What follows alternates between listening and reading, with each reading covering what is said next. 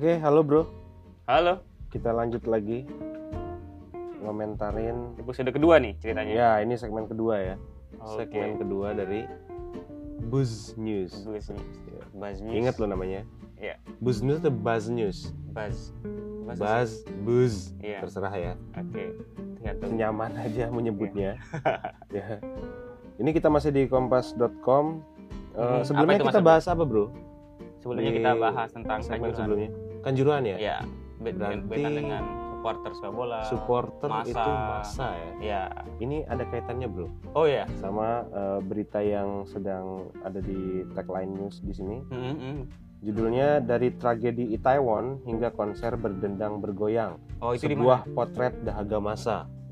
Di mana itu berdendang bergoyang itu di mana? Kalau Berdendang itu- bergoyang ini Elvi Sukaisih, ratu dangdut kita, Oh di situ ada nampil juga. tampil di hari kedua eh, Oke. berdendang bergoyang di Istora Senayan, Oh, Sabtu oke. 29 Oktober 2022.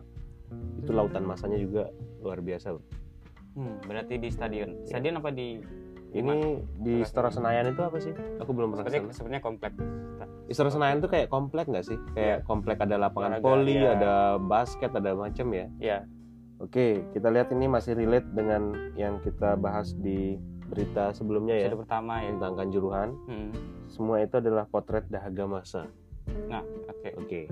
Dahaga masa di Jogja juga beberapa waktu lalu JSC bagi Oke. yang mendengarkan podcast ini yang Oh, eh, pernah ke Jogja atau pernah main ke Jogja di Jogja Expo Center eh, 2022 ini mulai dibuka pameran-pameran dan itu membeludak artinya orang sudah dahaga udah haus Ya. karena dari dari tahun berapa kita nggak boleh ke mana aja diam di rumah 2019 aja. akhir lah. Ya 2020 2020 ya. 2020 awal puncaknya itu April. Aku ingat itu ya. Maret April itu puncaknya orang ngeri. Ambulan ke sana kemari ya. Jadi kita setiap kampung itu di Jogja ada Hmm. penyemprotan disinfektan ya kalau mau masuk ke kampung orang ke setiap gang itu. Nah udah dari 2000, 2020 2021 dua tahun bro. Tapi dua tahun kurang lebih ya dua tahun ya. Hmm, kita nggak berkerumun tidak itu dahaga masa bro gimana Eh, keramaian oke di sini yang Mas ada yang menarik di sini ya. eh, melihat di situ. Puluhan ribu orang memadati Istora Senayan, Jakarta untuk memeriahkan konser musik bertajuk Berdendang Bergoyang yang diselenggarakan pada 28 sampai 30 Oktober 2022. Namun, acara pada hari ketiga yang jatuh pada Minggu 30 Oktober 2022 itu terpaksa dibatalkan. Pembatalan itu buntut dari penghentian agenda konser sejak Sabtu malam ya, malam itu di- dihentikan. Tindakan itu dilakukan karena jumlah penonton yang melebihi kapasitas lokasi yang kapasitasnya itu 10.000 orang, tapi yang datang 21.000 orang. Buset. Oh, Dua kali lipat lebih 100. ya itu ibaratnya kalau dulu di Eh, lebih kereta 1000 ya. di kereta itu yang Naik di atas. di- yang naik sampai naik di atas. Iya, iya, Waktu zaman dulu. Keretanya sih kuat. Iya, keretanya kuat, tapi orangnya pakai kuat. Orangnya Soalnya nggak kuat. terbuat dari daging dan darah. Nah, ini kenapa gitu ya? Karena menarik ini, Bro. Polisi khawatir penonton kehabisan napas saat berdesak-desakan di, de- di dalam kerumunan, makanya dibatalkan. Karena Mm-mm. berkaca pada Itaewon. Hmm, Dan Ya. itu saya kira jarak waktunya juga sedikit kayaknya eh, tidak lama Iya. jarak waktu itu dan itu. Dari Kanjuruhan, Itaewon, kemudian Yang jembatan gantung. di di di worldwide kita itu di highlight kan. Iya, Gitu, di highlight. Jadi PR polisi kita banyak banget ya.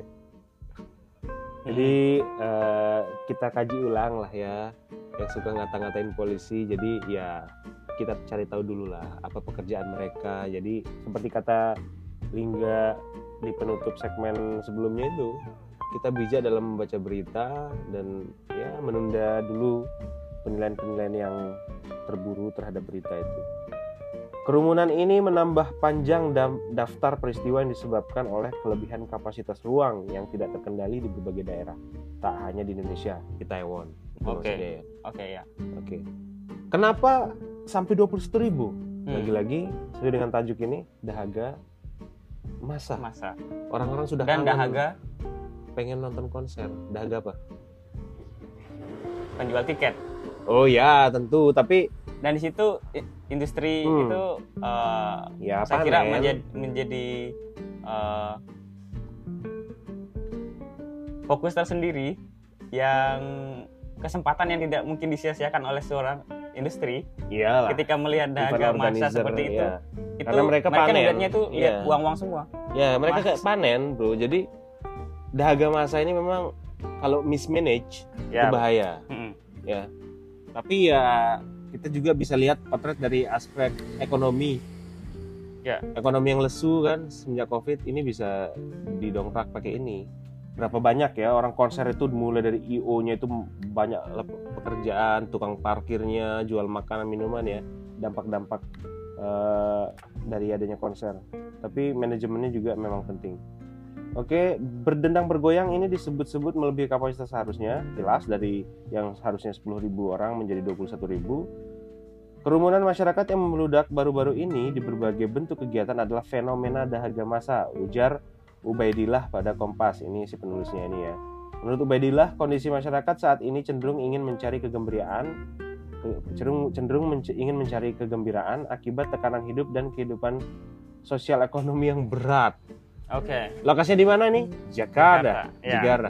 Jakarta saya kira sangat eh, padat sekali aktivitasnya. Saya tidak bilang banyak tekanan, tapi padat sekali aktivitasnya yang mungkin Ada tekanan di dalamnya. ya. melahirkan tekanan Iya. di satu sisi. Tapi gini, aku kan dulu pernah satu, tahun di Jakarta ya. Jadi hiburan orang Jakarta itu simple bro. Mungkin kita menganggap ngapain hura-hura ke klub gitu ya. Open table ini ngabisin duit berjuta-juta. Itu Hmm. hiburan mereka. Hard work, play hard. Woi kayak lagu itu kan. Ya, work hard, play, Play hard. Jadi seimbang. Kalau nggak gitu mereka susah mencari eh, sarana untuk refreshing. Hmm, Dan ini eh, acara-acara seperti Itaewon itu kan di kota besar juga, ya. Ya nggak mungkin semacam Itaewon kemudian apa terjadi di Atambua misalnya kan dari kalkulasi jumlah penduduk yang ada di sana dan tingkat pressure dari orang bekerja di sana gitu. Apalagi selama hampir 2 tahun pandemi COVID-19, masyarakat tidak mendapatkan panggung hiburan secara langsung termasuk pertandingan sepak bola. Tutur Ubaidillah. Singgung lagi sepak bola tuh. Ya, ya. Aku masih inget nggak bro, pas COVID Hmm, sepak bola itu di tribunnya itu nggak ada orang. Ya, iya kan? Oke ya. padahal sepak bola tanpa penonton tuh kayak apa ya kayak makan sayur asam tanpa rasa asam iyalah. Ya nggak seru. Nggak dapat nggak dapat eh, apa ya nggak dapat energi pemainnya. Hmm, ya, ya. contohnya kemarin pas Dortmund mengalahkan City ayo Halan di depan pendukung Dortmund itu kan mentalnya sempat kacau Hmm, Nah, itu pengaruh dari supporter juga. Karena apa bedanya yuk? Aku tanya ini misalnya. Eh, lagi-lagi MU ya. MU main di Old Trafford dengan MU main di Etihad Stadium. Masih nggak itu namanya stadionnya City? City. Ya, Stadion City lah Ah. pokoknya. Mereka orang MU nih, pemain MU main di City itu pasti akan mungkin wah ngeri banget gitu kan main di kandang macan. Ya. Itu dalam konteks penontonnya penuh. Tapi kalau tribunnya kosong, bodoh aja sama aja. main di lapangan, lapangan. Lapangan hijau, itu iya. itu berarti memain bola sebagaimana permainan Main itu bola, sendiri. Iya. Jadi aspek-aspek yang sebetulnya nggak ada di permainan bola itu ya Iya. disingkirkan sehingga itulah sebetulnya permainan Main bola gitu kan. Iya. Nah kalau kita lihat di sini ada orang yang mungkin gila nonton konser, Hmm. kemudian kita bilang ngapain sih kamu nonton konser? Oke, iya, iya. Pertama kali aku nonton konser dulu ya, aku bayangin suaranya itu seperti kita dengar headset. Iya. denger di speaker Ternyata? jelas gitu kan kayak Iya. setiap suara instrumennya vokal jelas ternyata kamu sampai tempat konser dadamu tuh duk duk Iya. gitu Ah, gede banget suaranya jadi apa yang apa yang menikmatin, istilah menikmatin gitu ya? kayak orang nonton MotoGP lah di Mandalika ngapain nonton MotoGP lewat depan kita wes gitu kan nggak kelihatan. Mending sekian nonton di. TV atau Iya. YouTube. Tapi menurutmu apa? Apa yang kira-kira orang kok sampai ini ya eh, dahaga masa ini apakah nggak bisa hanya dengan nonton di rumah dengan menonton ini? Apa atau me- memang itu kebutuhan dasar manusia ya bersosialisasi gitu ya?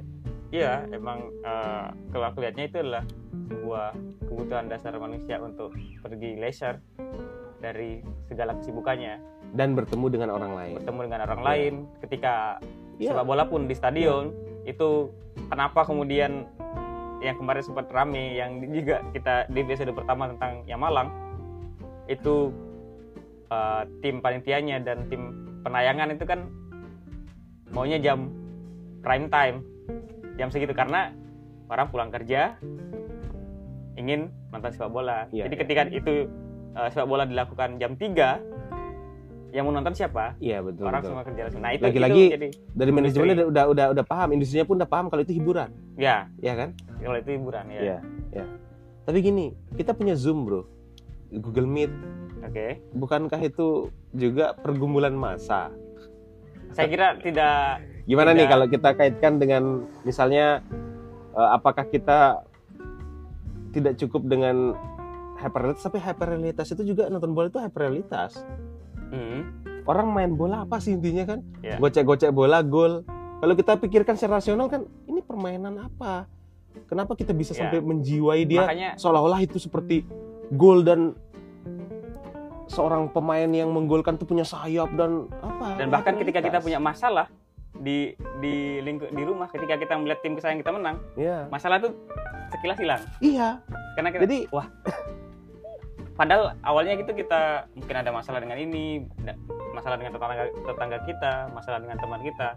Tapi ketika sampai rumah kita nonton bola dan tim misalnya Indonesia aja menang, itu berasa kayak semangat kita terba- terbarui gitu loh. iya jadi Kayak oh, menang Indonesia itu kita. hyperrealitas juga mungkin itu yang dimasukkan oleh si lihat. Baudrillard ya dan juga Benedict Anderson Imagine Hmm. Society Imagine Community itu kalau misalnya nih eh, di luar stadion mungkin kita akan nggak saling peduli ya atau Iya. mungkin bisa jadi kita saling jotos maksudnya nggak care lah tapi ketika aku pakai baju yang sama. Barca misalnya kan dan ketemu di satu stadion yang sama konco itu bahasa Jawa ya sedulur Hmm. itu temanku gitu saudara gitu kan. Jadi ada dua teori di sini mungkin bisa kita pakai ya. Eh, apa tadi? Hyperrealitasnya Baudrillard sama Imagine Imagine Society. Society Imagine Community-nya Iya, Benedict Anderson. Nah, oke.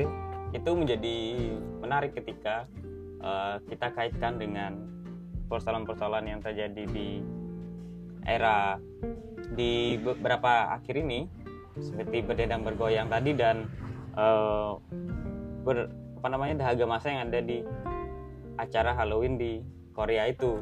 Nah, Hmm, ya kalau kita mau fokus lagi kepada kasusnya, banyak orang akan mencari. Pertanyaannya adalah siapa yang salah dalam hal ini? Terjadinya eh, kecelakaan dalam satu area itu menjadi satu tragedi yang kita yang sudah ter- yang, yang terjadi dan menuntut untuk pertanggungjawaban kan. siapa Nah, yang siapa yang bertanggung jawab? Nah, itulah menjadi Institusi. pertanyaan pertanyaan kita bersama. otoritas Betul. Ketika kita bicara tentang Hegel tentang dialektika kemudian absolut dan sebagainya, kalau kita kaitan bahwa, bahwa eh, dialektika Hegel pribadi ataupun eh, individu akan nanti pada akhirnya be- bisa membentuk negara sebagai absolutnya, sebagai bayangan absolutnya ke depan seperti apa sehingga dia eh, menjadi terakomodasi dalam dialektika itu. Yang patut disalahkan adalah misalnya institusi itu sendiri pengelola di situ ataupun negara nah di itu negara institusi penyelenggara panitia dan sebagainya itu itu sangat eh, sangat rasional untuk disalahkan jadi menyalahkan individu itu adalah pilihan terakhir tapi menyalahkan institusi adalah Pilihan paling pertama. rasional. Iya rasional. Dan itu salah satu yang rasional karena kita menyerahkan semua eh, pikiran kita tuh terhadap gimana institusi ini bisa memanajemen. Udah. Oke. Ya, dan dan itu kejadian-kejadian itu tidak harusnya tidak. Kemudian eh, beberapa institusi lepas tangan menyalahkan personal dan sebagainya. Itu kurang tepat menurutku karena eh, dengan menyalahkan institusi institusi itu segera berbenah dan kesalahan terhadap institusi itu suatu hal yang wajar dan satu hal yang harus diterima bukan dihindari gitu sehingga menyalahkan pihak-pihak lain dan sebagainya pada akhirnya seperti itu sih yang, yang terjadi nah ketika terjadi di Halloween Eteon kemudian di Istora yang memang sangat rasional disalahkan adalah penyelenggara, panitia, manajemen yang ada di sana. Ketika terjadi eh, kecelakaan, entah itu kecelakaannya secara disengaja, ada orang yang pakai pistol masuk ke Hmm. sana memberedet semua itu, tetap yang disalahkan adalah lebih dulu yang disalahkan Ya, adalah otoritasnya otoritas pengelola di sana. Iya.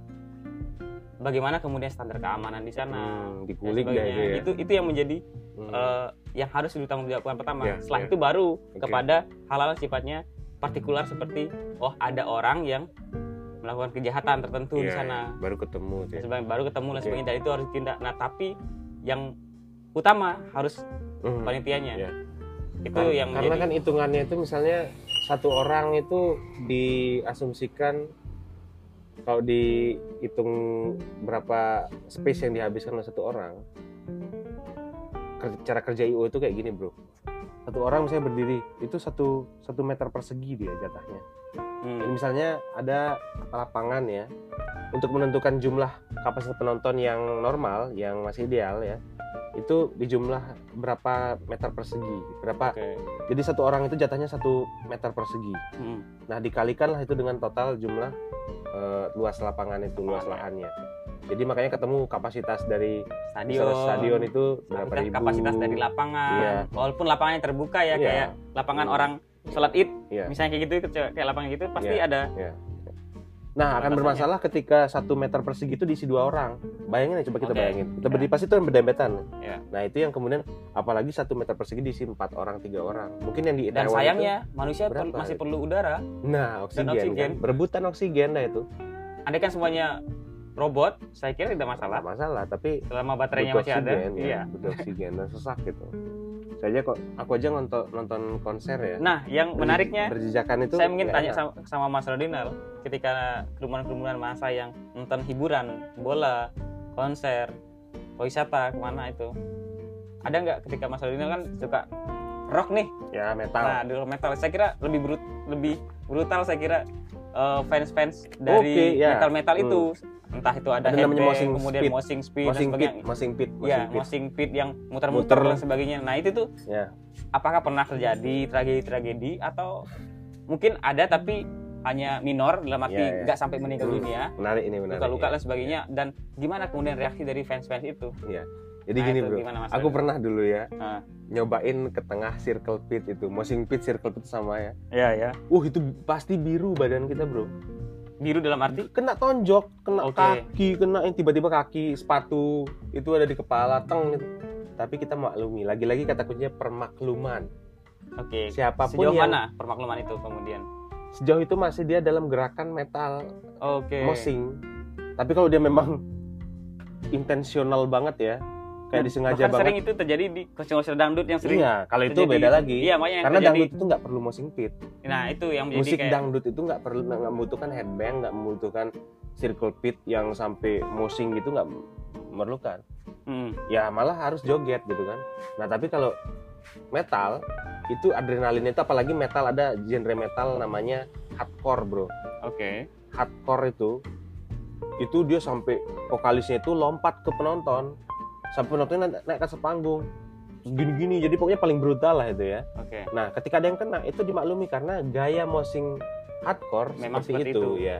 Jadi permakluman. Jadi sebelum itu sudah ada mungkin bukan kontrak sosial ya tapi Seperti kayak apa ya? eh, ko- Eh, kontrak informal yang sama-sama maklumi tadi iya, jadi jadi kayak atas dasar Hmm. permakluman jadi panitia pun iya. tidak nah ya tidak sampai mengatur Iya. itu nah kecuali sampai kayak itu intensional kayak artinya disengajai intended lah artinya oke. ketika aku misalnya moshing nih ada kamu di situ tiba-tiba aku moshingnya tapi ngarah kamu terus. Oke. Satu pukulan terus terus. Jadi pukulan itu benar-benar nah mengarah tapi apakah kan pernah itu terjadi nggak? Misalnya seperti itu. Jarang kalau di konser metal itu menariknya bro. Nah itu kenapa? Konser metal itu jarang rusuh. Oke walaupun walaupun penontonnya rusuh. Iya rusuh. Jarang rusuh dia. Tapi kalau misalnya kalau kita lihat konser-konser dangdut kan kayak Iya. kayak koplo itu kan sering dia rusuh kan? Karena kesenggol. Iya kesenggol Karena- misalnya kan karena lagi- tidak ada niatan Iya. untuk menyenggol tapi kok ada kesenggolan kok ada tangan yang main sebagainya. Nah itu. Jadi ada concern lah. Oke. Concern bukan konsentrasi ya tapi concern. Jadi Oh. eh, persetujuan suatu hal itu bisa terjadi dan ini boleh dilakukan apa yang boleh dilakukan gitu.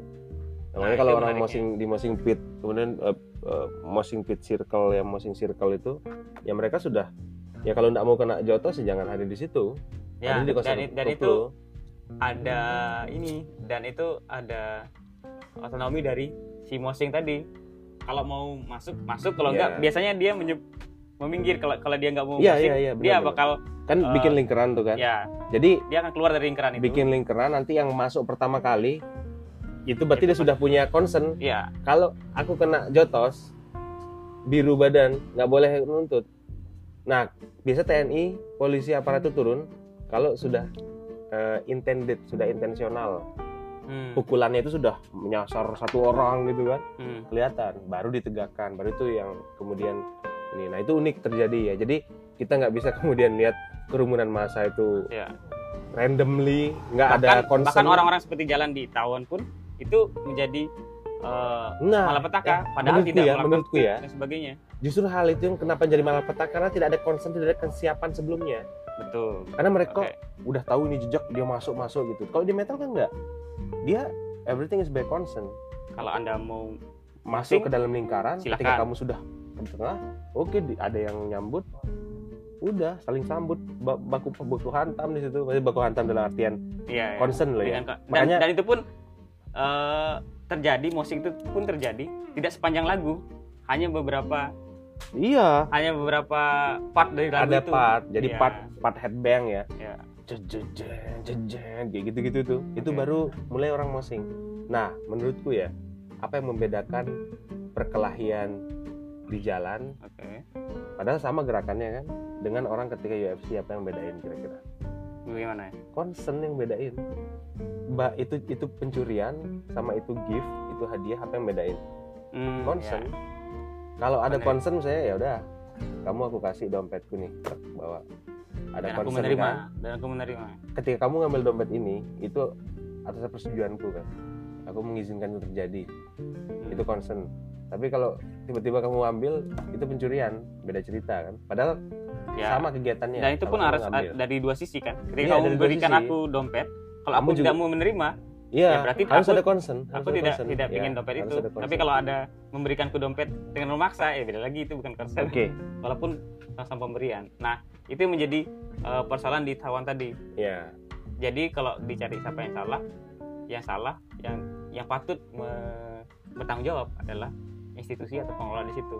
Oke. Pengelola kawasan itu menjadi satu sasaran utama yang harus dimintain pertanggungjawaban. Ya ya. Investigasi selanjutnya secara partikular secara umum ya saya bagi dua tadi apa antara satu yang sifatnya yang umum yang satu sifatnya yang partikular. Nah yang yang umum itu adalah institusional tadi yang partikular adalah agen-agen yang ada dalam kerumunan ya tadi. ya ya seperti itu. Oke menarik. Kita tadi ada imagine community-nya Benedict Anderson kemudian ada kamu juga nyebut roh absolutnya Hegel tadi. Ya karena Ya. kita bicara institusional. Iya, dan iya. itu eh, puncak dari eh, pribadi sendiri Iya. untuk bisa lebih tinggi adalah dengan cara dia ada teori concern juga tadi masuk di sini kemudian ada satu lagi apa tadi dilihat Baudrillard dengan tentang eh, simulacrum. Simulacrum ya ya hyper reality-nya. Oke segitu dulu komentar kita di berita tentang dahaga masa pas covid ini. Karena kita lihat juga salah satu bisa satu lagi bicara, bicara Hegel kan bicara logika kerumunan. Wah nanti kita kapan-kapan Nah. bahas teorinya secara teoritis seperti Iya. apa tuh. Logika ke- kerumunan itu. Kok logika di dangdut koplo beda dengan logika kerumunan yang ada di konser death metal black metal misalnya atau hardcore nah itu menjadi logika kerumunan ya kerumunan yang bagaimana yang seperti apa punya ciri khas masing-masing atau bagaimana atau memang beda aja ya, ya. itu saya kira di episode berikutnya kita bisa Oke, nanti kita Bahas, adain ya. segmen untuk bahas teori itu. Oke, thank you bro. oke, Nanti kita cari-cari lagi berita. Oke.